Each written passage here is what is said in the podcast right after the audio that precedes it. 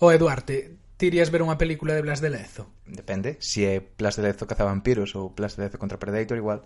Pois eu creo que en Londres tes un grupo de colegas para montar un crowdfunding e comezar a produción. Si a que... ver, sorpréndeme, que pasou? Bueno, isto, isto ven a conto porque Santiago Abascal, o líder de Vox, dixo que non o convidaron, bueno, non o convidaron os Goya e dixo que se si se fixeran máis películas sobre heróis españois como Blas de Lezo, consumiría máis cine español. E nada, pois descubrimos, parece ser, que hai unhas semanas apareceu unha célula de Vox eh, aquí no, no Reino Unido, aínda que resulte paradóxico. É contradictorio. Home, algún, algún podría decir que, claro, un grupo de inmigrantes apoiando un partido anti-inmigración, pois, home, pode resultar algo contradictorio, pero non sei, a veces a flexibilidade intelectual do mundo facha non deixa de sorprendernos. Bueno, seguro que pediron viño español. Hoxe falamos da extrema dereita en Reino Unido. Think about Brexit. What, what's that? Like, Order! The nose to the left, 432. with the light, with the music. Very welcome everybody here. A Brexit question in English, if you don't mind. Bueno, no, hombre, no vamos a hacer. Venga, adelante. ¿Quiere usted hacer el puñetero favor de largarse de aquí y de... No va usted a hacer nada ya. You like a cup of tea? yeah, sure. Go on, have a cup of tea. Thank you, thank you. hai uns anos no, nun dos momentos duros da crise grega había rondando por, por Youtube e polas redes sociais non un vídeo que dicía algo como un eurodeputado explota e dice la verdad e el Parlamento aplaude que sempre sonase un pouco como cuñadismo tremens isto de un eurodeputado explota e dice la verdad E, e ese vídeo era dun, dun eurodeputado británico, en Nigel Farage, estaba eh, subtitulado español, e se sorprendeume de ver pues, a varios coñecidos ou de, de, distinta, de distintas procedencias políticas eh, compartindo, compartindo este vídeo. E claro, Nigel, eh, sempre me chocaba porque Nigel Farage era o líder de UKIP, que é un partido Pois o chamase Partido de Independencia do Reino Unido, un partido da extrema dereita británica. Uh -huh. E a que a extrema dereita no Reino Unido non é así un fenómeno marxinal que digamos, vale que non teñen representación institucional, iso basicamente porque o sistema electoral que teñen aquí fai que por cada circunscripción saia elixido o representante do partido máis votado. Pero se analizamos os votos, eh, pois nas últimas eleccións non saíron nada mal parados. De feito, nas últimas europeas en 2014 sacaron un 26,6% dos votos, foron a primeira forza, e nas seguintes eleccións xerais, en 2015, sacaron un 12,6%, casi 4 millóns de votos, iso é moito. Efectivamente, eh, e o KIP, a ver, para dar un poquinho de contexto sobre quen é, quen é esta xente, pois fundarono basicamente persoas que da ala dereita do Partido Conservador, ou antigos militantes do Partido Conservador, que eran moi, moi, moi visceralmente euroescépticos, e o principal objetivo do partido era conseguir que o Reino Unido saíse da Unión Europea, o cal a maiores tamén levaba pois, tintes eh, anti-inmigración ou, eh, ou a, a prol de impostos moi baixos, case, case nunha liña libertaria. En moitos sentidos recórdame algo do que podía ser Vox, Vox tamén. Sí, sí, bastante parecido, sí pero non eran non, non, non son a clásica extrema dereita neonazi como poden, podemos pensarnos de Amencer Dorado en Grecia, non? Son Bueno, un extrema máis parecido ao Frente Nacional de Francia. Bueno, en parte, igual o que o Frente Nacional agora, pero non tanto o Frente Nacional en orixe, non? Exacto. Bueno, sí, porque tamén son orixes diferentes. No sentido, en Francia, pois pues, tuve era esa historia da Francia de Vichy, Le Pen vinculado con todo ese esa etapa no Reino Unido nunca houbo nada así. É máis un partido de, eu creo que de delirios posimperiais que un partido que se poda o que se poda asociar con movimentos máis neofascistas. O cal non quere decir, e isto me parece importante, que non haxa no propio Reino Unido movimentos, organizacións que sí que xa encanxan máis cun aire de supremacismo branco. Sí, porque está a English Defence League, o British National Party, que son movimentos que non todo o mundo é neonazi, pero sí que moita mo parte importante da base sí que o é. Unha das persoas claves aí é un, un señor, bueno, non sei, rapaz, tampouco é tan maior, que se chama eh, Tommy Robinson, uh -huh. que é un tipo que levaba moitos anos participando en distintos movimentos de extrema dereita e fundamentalmente anti-islam que agora é unha especie de, de pop star do, da, da extrema dereita británica e, e internacional tamén ten moitas conexións nos Estados Unidos. Sí, a cuestión que se fixo fixose moi popular eh, recentemente, o ano pasado, porque, bueno, estaba vinculado, participou nun xuizo relacionado cunha violación de inmigrantes do sudeste asiático. Pues, sí, a... Bueno, unha, unha serie de, sí, de, de, de, de abusos e de violacións eh, por parte cometidos por migrantes do sureste asiático. Entón a cuestión é que estando el na sala eh, decidiu facer un Facebook Live. Eh, no Reino Unido non se pode facer, non se pode facer cobertura en retransmitir eh, ningún tipo de xuizo ta, por unha cuestión de respeto á investigación, é algo que está limitado non só ás partes vinculadas no xuizo, sino non a todos os medios de comunicación, a BBC, o The Guardian, non poden facer ningún tipo de retransmisión. Pois Tommy Robinson fixo unha, recibiu unha amonestación, fixo unha segunda e foi detido. E curiosamente, foi, estivo na cadea, sí, e curiosamente convertiuse nunha especie de eh, referente da loita pola liberdade de expresión, aupado pola extrema dereita do país, había pintadas de e manifestacións pedindo a liberdade de Tommy Robinson, bueno, un pouco un delirio. Sí, pareceme bastante interesante agora eh, que todo este grupo, estes sectores que se vinculan á extrema dereita, pois máis máis hooligan, se queres, eh, está comezando ou comezando, xa está moi achegada pois ao que era eh, UKIP. E o que logo dase da, do, do referéndum eh, de, de, do, do, Brexit, do que sai o Brexit perde un poquinho a razón de ser. Moita xente marcha do partido, volven ao Partido Conservador ou métense en outras, en outras historias. De feito, nas últimas eleccións, en 2017, pasaron eso, do 12, casi 13% dos votos a algo menos do 2, non? E entón, pois logo de varios cambios de líderes, agora mesmo están nunha postura moi próxima aos plantexamentos de, de Tommy Robinson, tremenda, moi obsesionados co tema do Islam, mesmo o propio Nigel Farage marchou do partido hai unhas semanas, mes. Sí, sí marchou pola deriva islamófoba, dicía el, do, do novo partido porque, bueno, o, o novo na, na conferencia que tiveron en Birmingham en, a finais do ano pasado deci, decidiron apoiar cousas como a creación de cadeas só para presos musulmáns, unha especie de guetos presidiarios para musulmáns, a eliminar do Código Penal os delitos de odio, a eliminación tamén de leis de igualdade, un pouco na liña do que de, de, viña defendendo Vox en Andalucía con todo este tema do xénero. Eh, sí, bueno, quitando o tema das presións... Eh, no, no, refírome na, na, na, ah, na cuestión de xénero. Sí, sí, sí, sí. Neso, neso se cabeza a coincidencia. Entón, claro, estamos vendo como o antigo UKIP está sendo un pouco como vehículo político deste, deste sector da extrema dereita máis máis radical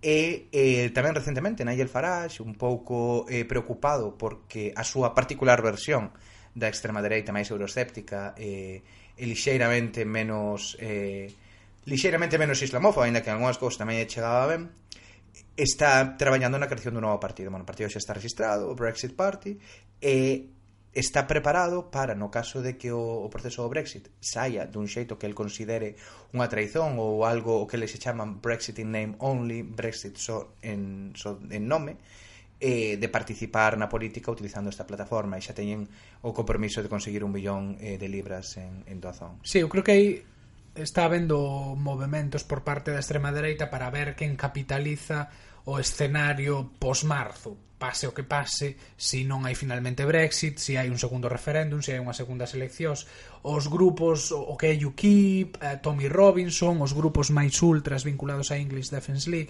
eh, convocaron mobilizacións hai pouco en Londres, que bueno, tuveron non o, quizáis o que les esperaban, pero mil, milleiros de persoas. Sí. E eu creo que están a, están intentando mobilizarse para, bueno, ver quen pode tomar un pouco máis uh, o control e do descontento polo que les chaman a traición do Brexit. E de feito unha cousa moi curiosa, o tema é que nas manifestacións da extrema dereita eh, eh, por causa do Brexit últimamente eh, levan os chalecos amarelos que eu creo que, bueno, é un pouco unha forma de facerse tamén con todo ese movimento que causa simpatía entre moita xente humilde, traballadora do que está do que está pasando en Francia, que sí. é curioso. De feito, agora que me lembro, eh, hai pouco vira un, un panfleto, vi, bueno, vira por redes sociais tamén dos, dos chalecos amarelos, bueno, non lembro exactamente de que localidade era onde foi esta manifestación, e vi esa lista de demandas, non? E era eh, algo así como un tutum revolutum de todos os disparates que se pode ocurrir a unha persoa.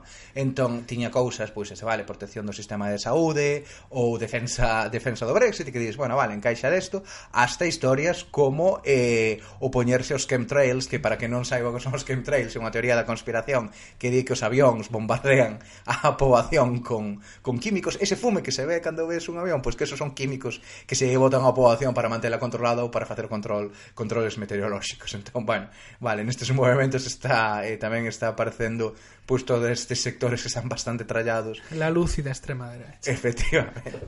Pero bueno, había unha cousa que comentabas que sí que me parece eh, preocupante que, vale, un, un dos debates que, que, que, se, que está habendo e eh, cubriremoslo noutros, noutros podcast de Té con Gotas é a posibilidade de, dun segundo referendo e a min persoalmente unha das cousas que máis me eh, me preocupa o que máis desacougo me provoca da, eh, da idea dun segundo referéndum eh, o dese, como o desencanto de moitos votantes de Brexit se pode se pode canalizarse. Unha parte da poboación británica se sinte enganada ou traizoada por eh, pola, pola convocatoria do segundo referéndum poden aupar aínda máis a estes movimentos de extrema dereita que xa están causando moito daño moito daño ao Reino Unido.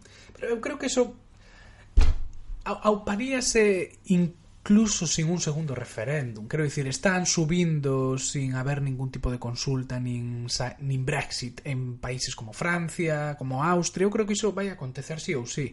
Sin embargo, eu sí que creo que sí que faría fallo un segundo referéndum Primeiro porque durante a campaña incluso incluso a xente que defendía o Brexit dicía que un segundo referéndum era posible e que lóxicamente a, habería que refrendar o acordo que se chegase coa Unión Europea e despois porque esta opción de Brexit a que chegou de acordo MEI coa Unión Europea non é nin o que queren os que querían quedar na Unión Europea, nin o que quere unha importante maioría dos Brexiteer. Por tanto, eu creo que A pesar de que hai riscos, e sí, pode ser que a extrema dereita se envalentone nun segundo referéndum, eu creo que sí que sería necesario convocalo. Eu aí ves teño, teño as minhas discrepancias. Eu creo que non existe ningunha evidencia suficientemente forte que nos leve a pensar nun cambio de opinión pública suficiente maiorita, suficientemente maioritario como para que justifique un segundo referendo. E sí que creo que a percepción social en moita xente que non par, que levaba moitos anos sen participar en política e que sí que participou no referendo no referendo de 2016 que pode levar pois a un a cuestionar en moitos sentidos os principios democráticos porque ven que o seu voto non conta e que se non votan do xeito no cal a determinadas elites políticas querían que votase, vais intentar eh, reconducir. Pero estás selles dando unha... No, tampouco se pode dicir que o seu voto non conte porque se lles está dando a opción de votar de novo outra vez. Pero partindo da base que votaron mal a primeira vez. Non de que votaron mal, sino de que o que votaron por primeira vez non era tampouco nada en concreto. Agora, a cuestión é que moita desa xente non quere tampouco sair co acordo de, de May. E que isto, eu estou seguro de que hai moito, moito brexitir que estaría disposto a quedar na Unión Europea antes de sair cun acordo como o que pretende May agora, ou antes de sair cun no deal.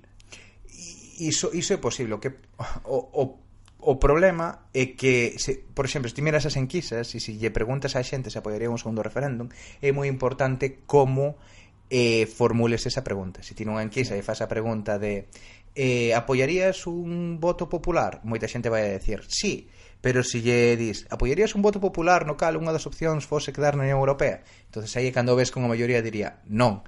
Entón non é o mesmo eh, ter un voto para refrendar un acordo que ter un voto eh, unha repetición do voto de 2016 que entre quedar ou non. Claro, eu, claro, é que aí a cuestión ao complexo sería definir que pregunta e porque dependendo da pregunta tamén vai vai depender o resultado, eso é así, se fai un referéndum. Sí e agora mesmo non hai tampouco, tal e como está o Parlamento, non hai maioría para consensuar unha pregunta que poña de acordo a todo o mundo e no. que o faga feliz. Bueno, ni sequera hai maioría para, para consolidar un segundo referendo. Aquí tamén estamos falando un pouco no, de, exacto, de sí. todas as opcións que, que, están, que están na mesa.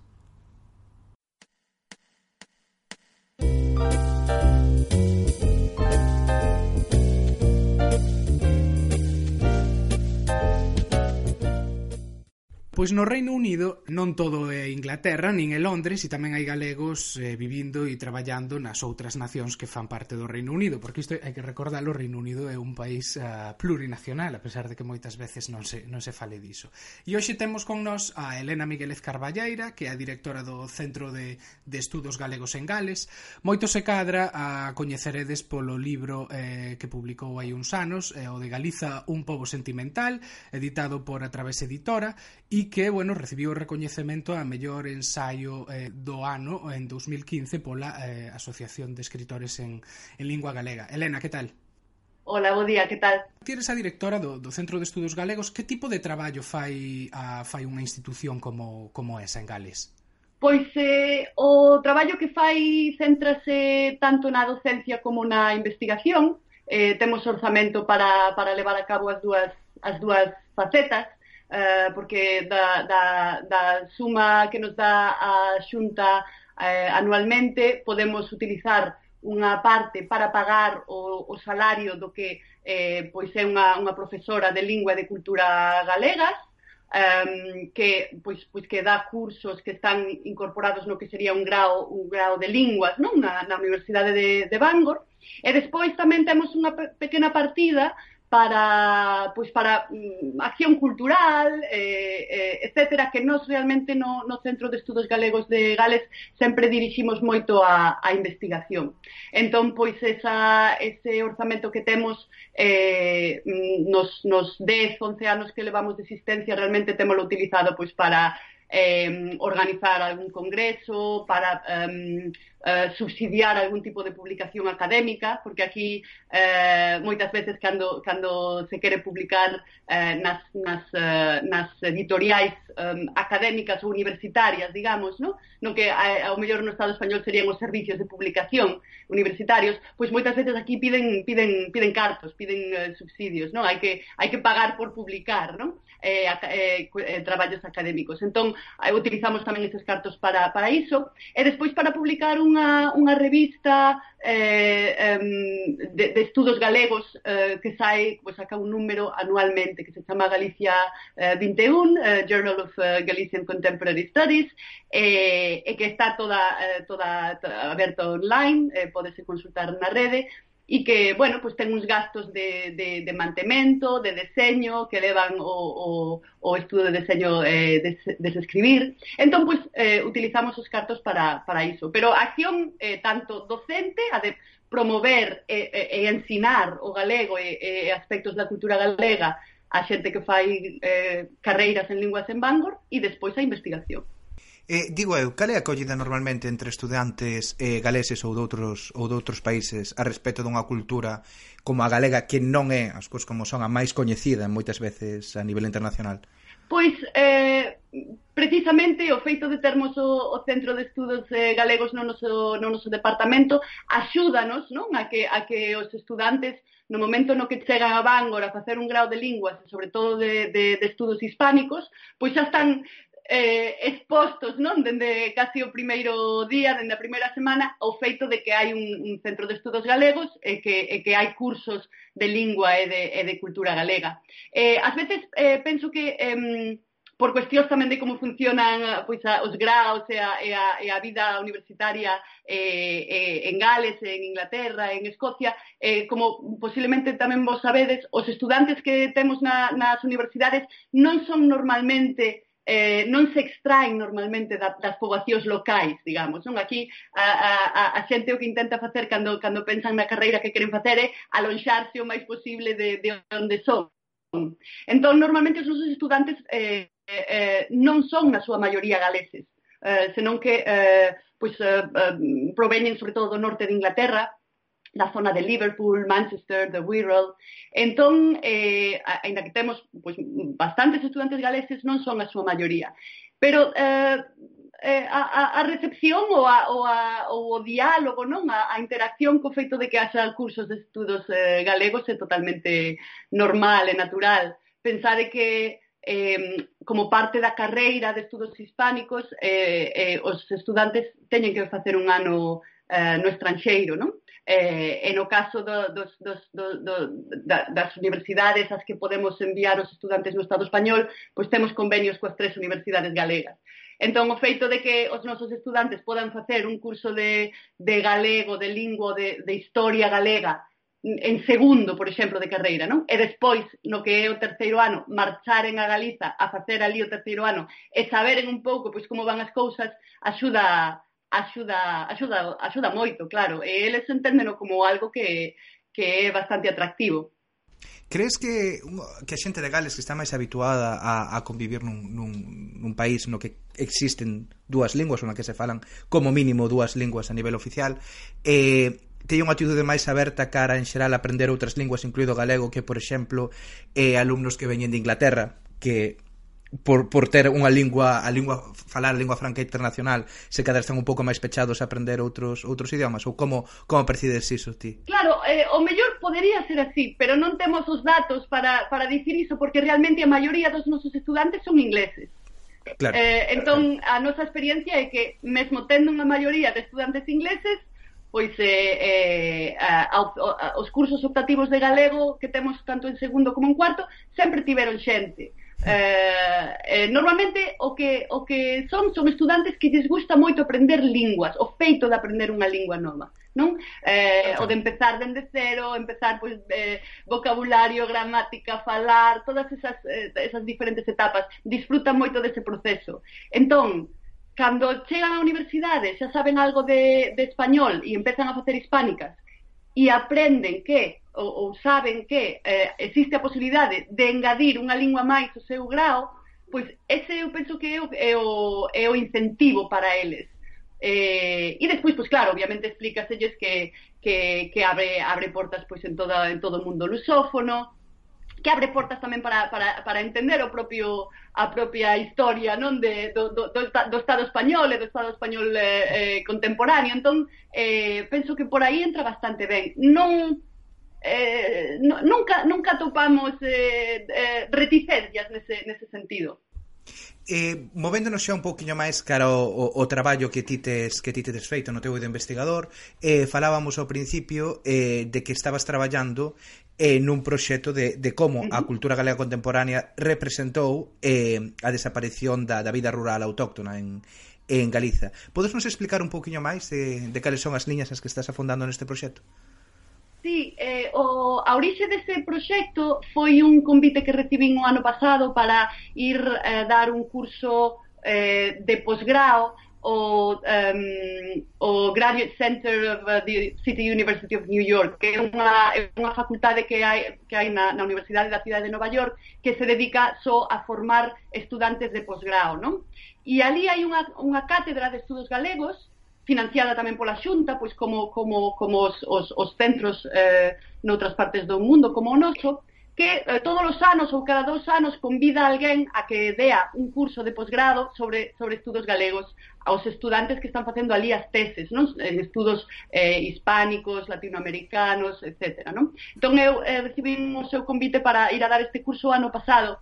Entón, eh, eh, ocorreuseme utilizar un pouquiño esa, esa, mm, esa oportunidade, non? Ese, ese privilexio para volver a reconectar un pouco non no, no, no meu traballo e no meu pensamento coa, coa, cos estudos eh, galegos contemporáneos e coa, e coa Galiza contemporánea. Entón preparei ese curso sobre eh, pues sí, pues sobre como eh, ese, ese punto eh, de esa transición ¿no? do, do, do, do, da Galiza rural a Galiza um, eh, pois digamos post-rural, o mellor non, se, non, é, non é enteramente urbana, non?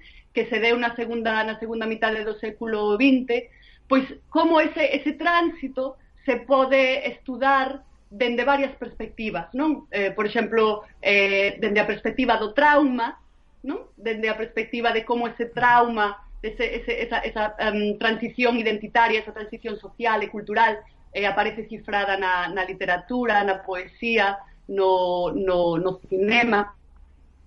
Eh, uh, e, e entón, pois, por exemplo, que, que, que textos vimos, que pelis vimos cando estivemos alá e, e eh, comentamos e discutimos eh, Land Rover de Suso de Toro, por exemplo, uh -huh. eh, um, que é unha novela que, bueno, moitas das novelas de Suso de Toro tratan desta, desta transición, non? Eh, tamén algunhas de, de Manuel Rivas en, Sal, en Salvaje Compaña tamén falamos dela, pero un pouco intentar entender que, que, que textos literarios eh, eh, tratan esta, esta transición desde posicións que non señan moi estereotipadas tampouco, que non entren o, o mellor pois sempre no, no lamento, no elexíaco, nese ton ás veces moi moi apocalíptico, non, de que a Galiza desaparece, de que xa non existe a Galiza porque xa non existe efectivamente ou deixa de existir ou está deixando de existir esa esa cerna eh, rural, non? Entón, eses discursos existen, Eh, de, de, de, de, o discurso de que estamos a desaparecer, non? Porque desaparece a nosa vida, a nosa sociedade rural. Pero como aparece isto na literatura e no, e no cinema, por exemplo, é, é moi interesante, porque hai achegas eh, ás veces moi moi moi punzantes, moi moi moi radicais, non? Eh, para intentar entender este tránsito. E entón, pois, eh, fixen ese traballo e presentei no ali, e dende entón, pois, sigo pensando un pouco en como, en como desenvolver esta, esta, estas ideas.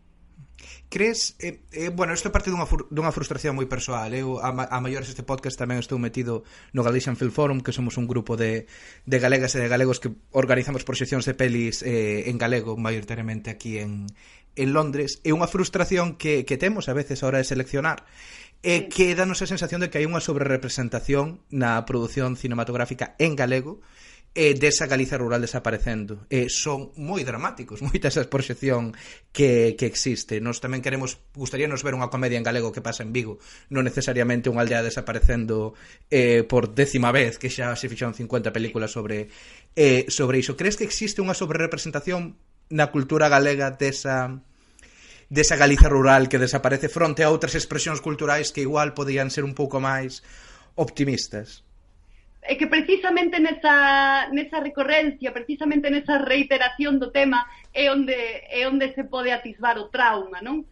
Volvemos a esa idea porque verdadeiramente eu penso que é un dos é un dos um, é unha das transformacións eh, máis esenciais, máis máis máis traumáticas eh, eh, do, que, do que é a Galiza contemporánea. Non se pode entender mesmo unha cidade de Vigo, eh, como Vigo, non se pode entender eh, eh, certos núcleos que hoxe consideramos urbanos, non, da Galicia contemporánea, sen entender ese, ese influxo de xente do, do rural que aconteceu nos 60, nos 70, xente que estaba forzada a ese, a ese éxodo pois por razóns económicas, pero que a través de ese ou vivindo ese éxodo tamén viviron eh, formas de violencia cultural fortísimas, non? Non se entende que os nosos pais nos, eh, nos, eh, nos educasen en castelán, se non é a, eh, non? Eh, a través desa, desa forma de, de, de violencia que viviron a xente pois que, que veu de Ourense, que veu de Lugo para traballar en Vigo nos claro. 70, non? Entón, mesmo para entender o urbano eh, galego contemporáneo non se pode deixar de pensar o que pasou eh, o que segue a pasar e o que segue a pasar no, no, no que queda do, do, do, do, rural, do rural galego. Sí que é certo que as representacións adoitan a ser tristes.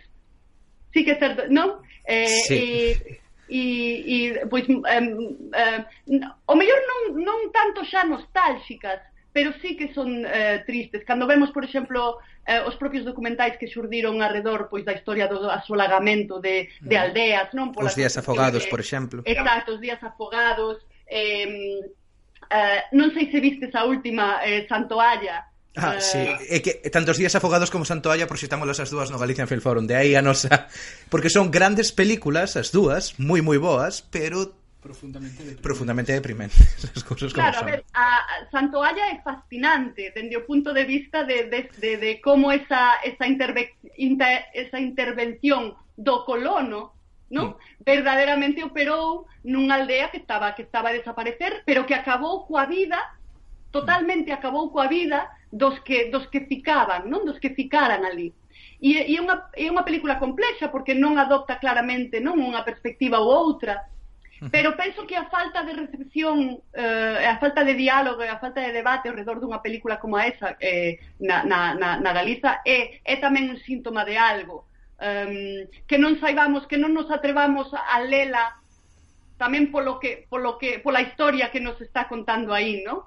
Eh, Nos cando proxectamos esa película hai, hai uns meses ou case un ano eh, despois sempre facemos un coloquio co, co, cos galegos e coa xente eh, foi a, a película na que máis incomodidade notamos con diferenza porque moita xente vía reflexado unha Galiza que saben que existe pero que ou unha, de, unha serie de atitudes que saben que existe das cales non se sinten nada cómodos falando polo, bueno, por un certo estigma. Por, e porque pode... saben que moitos deses personaxes poderían ser perfectamente a, a súa boa ou a amiga da súa boa. Quero dicir, é algo moi real.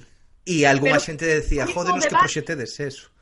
Exacto, o debate ao redor desa película a min pareceme, pare, pareceme crucial para que non acabemos adoptando tamén a perspectiva non? De, eh, pois eh, un, non sei como, como, como chamala, a perspectiva que, que legitima pois eh, a, a intervención tamén de alguén que se chantou ali un día e que empezou a, a, a, a incluir e a, e a, e a, e a um, interpoñer dinámicas que eran totalmente alleas, totalmente alleas o que a, a forma na que ali se vivía.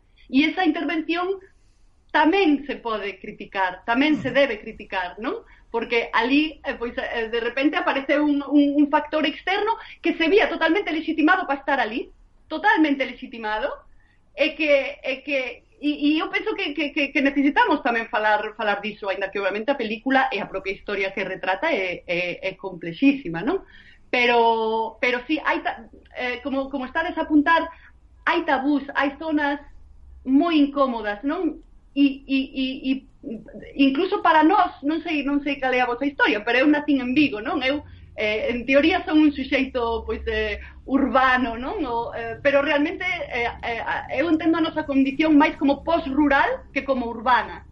Um, eh, entendo eh, moito mellor a miña a miña propia identidade como alguén que naceu en Vigo, pero de pais eh, pois da, da, da, da terra xa en, en, en Lugo, dunha parroquia de Melide, xente que pois que tivo que, que traballar, que servir, eh, eh, eh, pois que ven de familias eh, eh, labregas, non? E entendo moito mellor eh, a miña identidade a través dese tránsito e as violencias que tivo que vivir a miña familia por ter que eh, pasar ese tránsito, que non como alguén de Vigo, pois con, con, con dinámicas xa pois eh, urbanas, cosmopolitas eh, e eh, hipsters, porque non me recoñezo niso. Bueno, e xa movéndonos a, a outra das investigacións nas que traballaches recentemente, eh, bueno, tivo que ver un pouco sobre a representación cultural da, da violencia no Estado español despois, bueno, da, do desarmamento de, de ETA. Cales foron un pouco as conclusións dese, dese traballo? Sí, ese traballo ainda estou a desenvolver agora, ten que ver co, co relato, non? O que lle chaman o, o, o relato eh,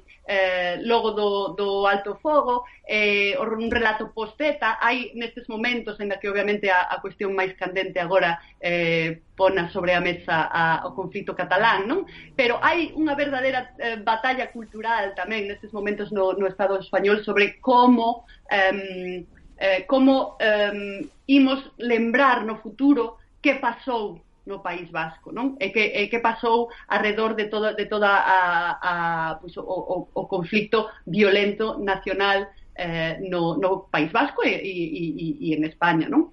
Eh, eh, se, non se entende unha novela como Patria, por exemplo, sen, eh, sen, sen, sen relacionala nese contexto, non? De toda unha serie de culturas, de intervención de, de produtos culturais que están saindo mainstream, total e absolutamente mainstream, comerciais, sobre eh, sobre o conflicto o conflicto vasco, para instaurar unha forma de memoria, non? Sobre sobre sobre o pasado, que, um, que sobre todo pois, eh, eh, trate moito a, as emocións, trate moito o emocional, o afectivo, pero non o histórico e o político. Non? Ocho apellidos vascos iba tamén por aí, por suposto, e inaugurou de algún xeito esta esta poética posteta, que eu é o termo que estou a, a estudar, non? as poéticas posteta, como se entenden estos estas películas, estas novelas que están saindo logo do, do, do, do alto fogo e do, e do desarme de, de ETA, non? Entón, por exemplo, a semana que ven hai, unha, hai un congreso en Cambridge sobre eh, populismo, afectos, manipulación das emocións eh, eh, en, na, eh, eh, eh, na España contemporánea, eh, chamase Affective Populism, The Future of Democratic Politics in Spain, ou algo así, non? E entón, convidáramos, convidáronos a unha, unha serie de xente a, a falar ali, E eu vou presentar este traballo sobre, sobre como ler, pois, por exemplo, eh, novelas como Patria, dende esa perspectiva. E vou centrar, sobre todo, en como se están a utilizar, esto suena un poquinho como, como eh, eh un pouco eh, demasiado como específico, pero penso que hai aí, aí hai un filón, penso que hai un filón. Eh, como se utilizan neste tipo de novelas, en este tipo de películas, personaxes con discapacidade para facer un traballo de eh, manipular emocións ata chegar a un a, para, eh, para poder pois, em, enfiar ou construir un discurso em, eh, eh, pois consensual dende unha, dende unha perspectiva do, do Estado. Non é nada mm, non é nada casual, por exemplo, que en Patria, non sei se a lestes, pero vou voula destripar un pouco, eh, na novela na novela de Fernando Aramburu, o, persona, o personaxe que finalmente consegue que o etarra que está na, que está na prisión, non? Eh, pida perdón, pida perdón á víctima é un personaxe con discapacidade. No? Entón, estou intentando entender que traballo simbólico fai aí ese, ese personaxe con, discapac de, con discapacidade que se, que se describe, unha persoa en silla de rodas que non se pode, bueno, parapléxica, que non se pode eh, comunicar.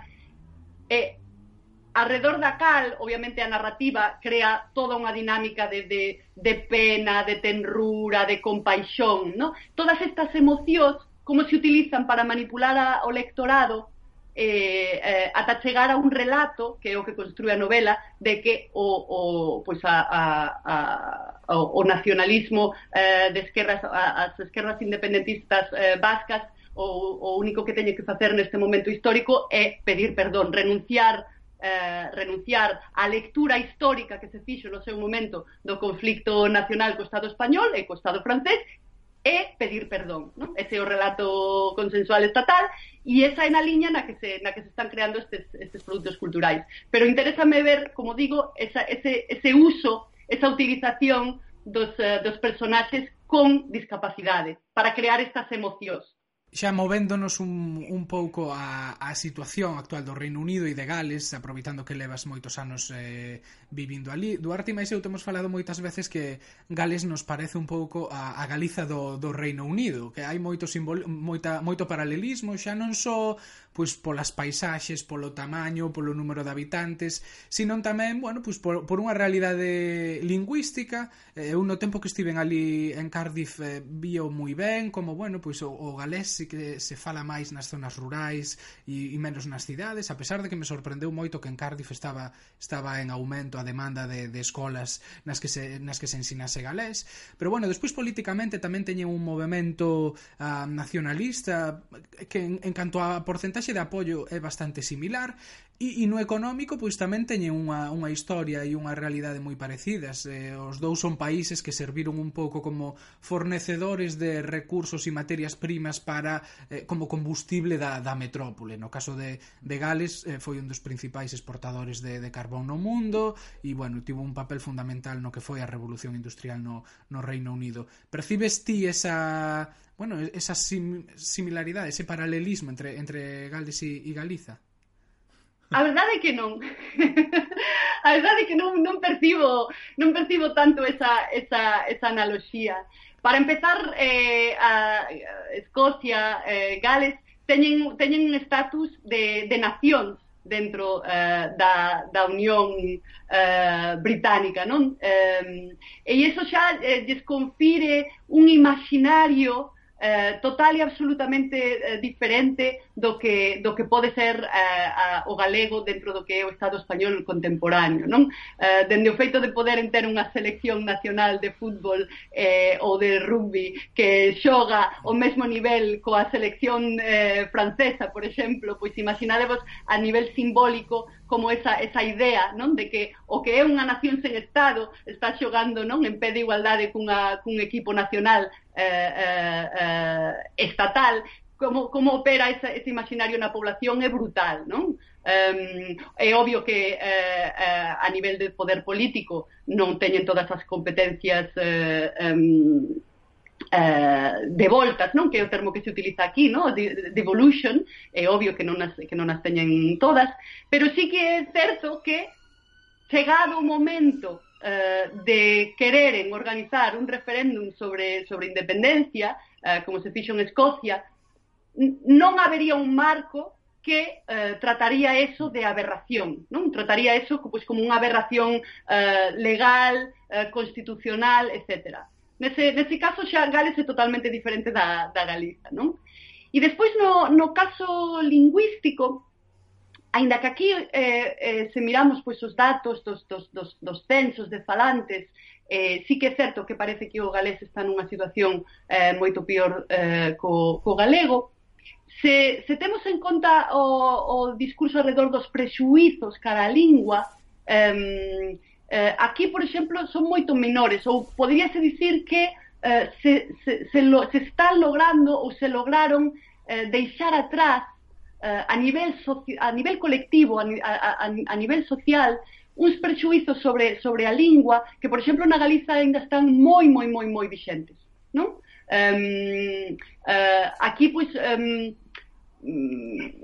pode haber uh, uh, mal, malos, bueno, pode haber malas opinións con respecto ao, ao, ao galés, dende o punto de vista de, bueno, porque uh, uh, porque imos ter que falar galés nun evento cando se falamos inglés enténdese todo o mundo, ou, ou a excesiva politización dos que optan por, por, eh, por comunicarse en galés pois nunha reunión, por exemplo, podéndose comunicar en, en, en inglés. Hai, hai ese tipo de conflicto, pero mm, eh, o que eu xa non observo eh, é eh, esos prexuizos eh, pois eh, eh, ou ruralistas ou, eh, ou, de, eh, ou unha lingua de, de, de, de segunda categoría ou non lle lo fales os nenos Eso, eso de feito, pois o que acababas de, de dicirte agora, non? As escolas eh, eh, que teñen a política de, de, de inmersión eh, de galés, que non dan todo en galés, teñen algo ainda en inglés, pero a maioría está en galés, teñen cola, hai cola para mandar os nenos a, a esas escolas, non? non a, as zonas do, do sur, Cardiff, Swansea,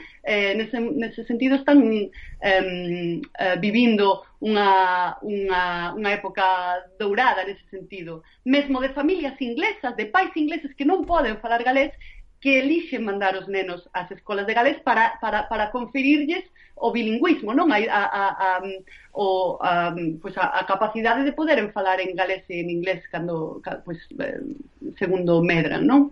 Entón, nese sentido, eu penso que hai unha situación diferente. E os debates sobre a lingua aquí, eh, penso que eh, eh, están moitísimo máis desarrollados do que na Galiza. Ti aquí escoitas eh, Radio Camry ou uh, uh, uh, pois eso, os, os, os programas de, de, de, de radio de debate que teñen e a lingua está constantemente na xenda pública, constantemente. O debate sobre a lingua é constante.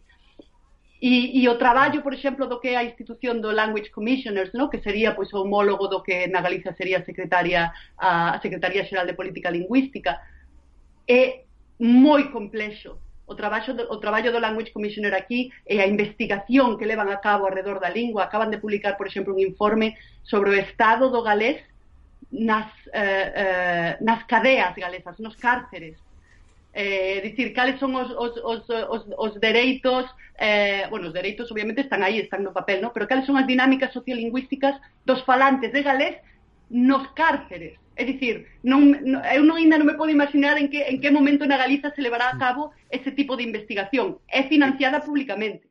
Que pensas que se fixo ben eh. para desfacerse desa connotación ruralizante do, do idioma que, bueno, que en Galicia sigue sigue existindo a pesar de que desde un punto de vista utilitarista o galego probablemente teña máis vantaxes que o galés, porque é unha lingua que te permite comunicarte con 200 millóns de persoas no mundo, mentres que o galés, máis alá da súa complexidade, eh, falase nunha zona xeográfica bastante máis limitada. Bueno, a ver, eh, de entrada, por exemplo, aquí as connotacións da, da, do sociolingüísticas ou sociais eh, do galés tampouco están históric ou estiveron históricamente tan vencelladas o rural. O galés sempre foi, por exemplo, a, a lingua religio, da religión en Gales. Eh, é dicir, hai certos ámbitos de estatus eh, eh, social nos que o galés era a lingua vehicular. Eh, entón, eh, non sufriu eh, eh, se cadra esa, ese, ese desgaste eh, sociolingüístico que sí que ten, eh, pues, por exemplo, o galego eh, na, na Galiza. E despois, eh, aquí está claro que para ter un traballo eh, no sector público eh, está claro que o, que o, que o galés é, eh, é necesario, senón esencial. Son bastante tímidos a hora de poñer galés eh, eh, requerimento esencial, pero enténdese que é eh, unha, unha, unha habilidade que, se, que, que é eh, pois, eh, desexable en calquera persoa que, que pida que, que, que busque traballo pois, no sector público. Entón, hai certas zonas de, de, de, de certas áreas na, nas que a lingua ten, ten, ten moito moito prestixio e aínda que seña dende unha perspectiva dunha perspectiva pragmática, non? Eh, utilitarista, funcional, hai moita xente que xa vai entrando nese nese marco de pois aínda que só seña para ter traballo, teño que ter o galés, non? Que pasa que despois pois eh, si que eh, é unha lingua que se entende pois que é como moi difícil de aprender, entón aina que aina que aprender ou aina que ensinar dun xeito moi moi simplista, moi eh, moi antiintelectual, moi antigramático, eso sí que o teñen aquí, por exemplo, ensinar a lingua de xeito que ninguén eh, que ninguén eh, pois eh, colla medo, non? Colla medo da lingua, porque é moi difícil. Entón, pois, danse situacións como, por exemplo, que os que nos, nos achegamos aos cursos de galés para aprender a lingua está, está se nos a ensinar unha especie como de transcripción escrita do que é realmente un, gare, un, gal, un galés oral, que é unha, é unha situación un pouco extraña cando pensas, non, pois se ti, por exemplo, queres aprender español e vas aos cursos do, do, do Instituto Cervantes, non che van a ensinar un, unha transcripción oralizante do que é o, o español. Ensinanse, pois, español estándar segundo a Real Academia, non? pero nas linguas, eh, nas linguas que non teñen ese apoio estatal, sempre hai ese, ese debate non sobre como, como, como ensinamos, como ensinamos. Temos estándar, temos estándar escrito, eh, e ese é un debate que aquí sí que, sí que se dá é un pouco para ir pechando a entrevista, non podemos pecharse e preguntarche polo, por Brexit, que é un tema aquí recurrente en todas as conversas eh, que pasa no Reino Unido en xeral. Eh, Gales votou, eh, foi das, das nacións que votaron con, xunto con Inglaterra, a prol de, de sair da Unión Europea. Como crees que vai afectar o Brexit a Gales? Eh, se pensas que vai a, a, ter, a apoiar un certo resurdimento do soberanismo eh, galés? Mm.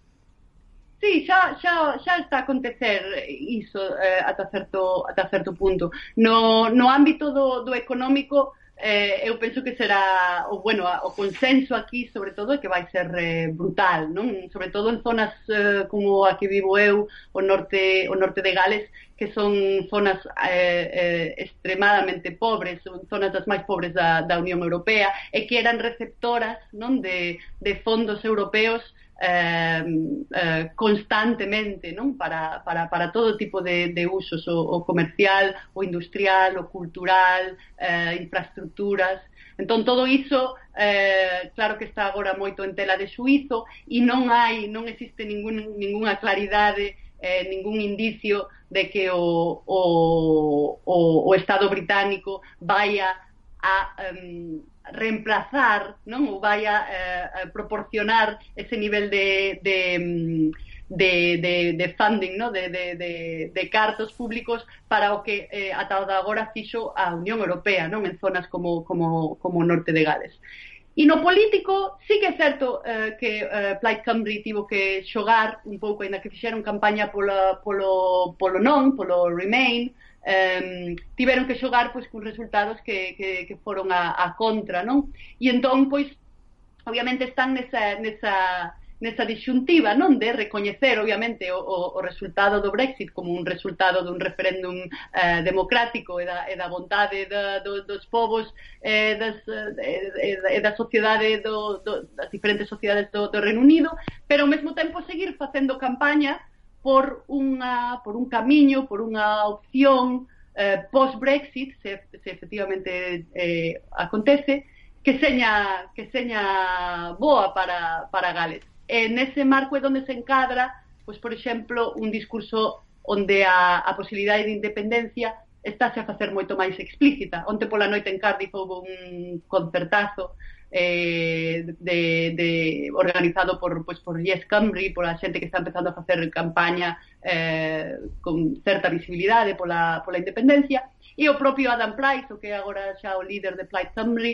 é, é un independentista convencido. Eh, entón, pois, eh, sí que é certo que, que está máis na xenda, que está máis na xenda a posibilidade de independencia, pero, pero, pero claro, o apoio social nestes momentos é, é baixo. Bueno, no te con gotas sempre queremos rematar as, as entrevistas cunha mesma pregunta. Queremos eh, poñer na situación dunha Galiza distópica, unha especie de república galega na que ti serías bueno, conselleira de cultura ou directora xeral encargada da, da difusión da lingua e cultura galega polo mundo unha consellería ou dirección xeral completamente omnipotente na que terías man libre para decidir leis, orzamentos que, que que políticas levarías a cabo? Que cambios farías con respecto ao que se ven facendo ata agora? Pois, uh, eh, huh. pois destruir o destruir o estereotipo, destruir o estereotipo sobre sobre nós, eh, todas esas trapalladas que se levan feito, que se levan dito sobre como somos, sobre como temos que ser, eh, que nos desmobilizan, que nos eh, representan dun, dun xeito que, que, que non é. Entón, pois, eh, penso que iría a cousa un pouco por aí. Cultura de base, xente facendo cousas e que, e que non se diga de nós o que non somos. Pois, moitísimas gracias eh, pola entrevista, Elena. Gracias a vos. Bueno, Miguel, entón que che pareceu?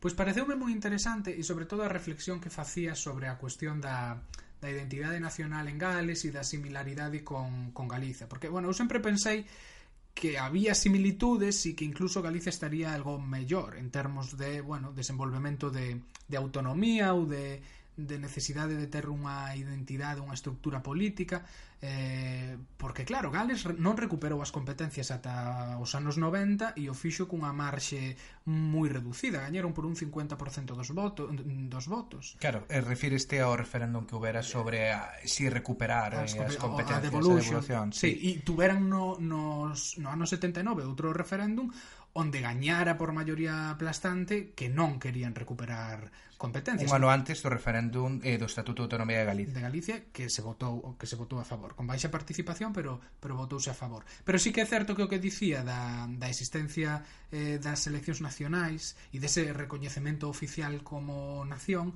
pois é algo diferente en comparación co que acontece en Galicia e no Estado español eh, que bueno, pois ten unha importancia simbólica moi importante a hora de, como dicía ela, que Gales poda eh, competir como selección nacional de rugby ou de fútbol con outras seleccións do mundo e con Inglaterra. Claro, eso está sabendo agora moi ben que está sendo Six Nations, que é un torneo moi importante de rugby no que participan pois entre outros Inglaterra e Inglaterra e Gales e sempre precisamente hai moito moita competencia entre as dúas porque son das dúas favoritas sempre gañar, a gañar, sí. claro. E a ti que te pareceu máis interesante? Ah, pois pues, a mí houve varias cousas. Unha delas foi o da identidade post-rural para a xente pois que somos eh, nacidos nas cidades pero con unha, bueno, unha orixe moi próxima eh, ao rural e que a nosa identidade pode estar en certo sentido forxada por esa experiencia traumática do, do campo do campo a cidade. En calquera caso tamén me leva a pensar que moitas en moitas representacións culturais eh, parece que a morte de Galiza está ou a morte do rural está directamente ligado á morte de eh, de Galiza. E se cadra non estamos facendo suficientemente traballo a hora de crear unha nova identidade galega e eh, vencellada ao mundo urbano aínda que sexa unha identidade post-rural ou que teña moita, moita influencia pois dese, dese papel histórico que xogou o campo eh, na construción da, da Galiza actual. Pois sí, moi interesante. Bueno, pois ata aquí o Te con Gotas de hoxe. Eh, xa sabedes que voltaremos en dúas semanas Podedes suscribirnos ao noso newsletter que se vai actualizar todas as semanas os luns, onde poderedes ter información pois bueno, do que vai do que vai acontecendo aquí no Reino Unido nestes eh, nestas semanas que van a ser moi interesantes e tamén do que acontece coa coa comunidade galega aquí. Tamén podedes seguirnos eh, en redes sociais, en Facebook, en Twitter. Eh, así que nada, eh difundide te con gotas, eh, si queredes ou si podedes e vémonos en dúas semanas.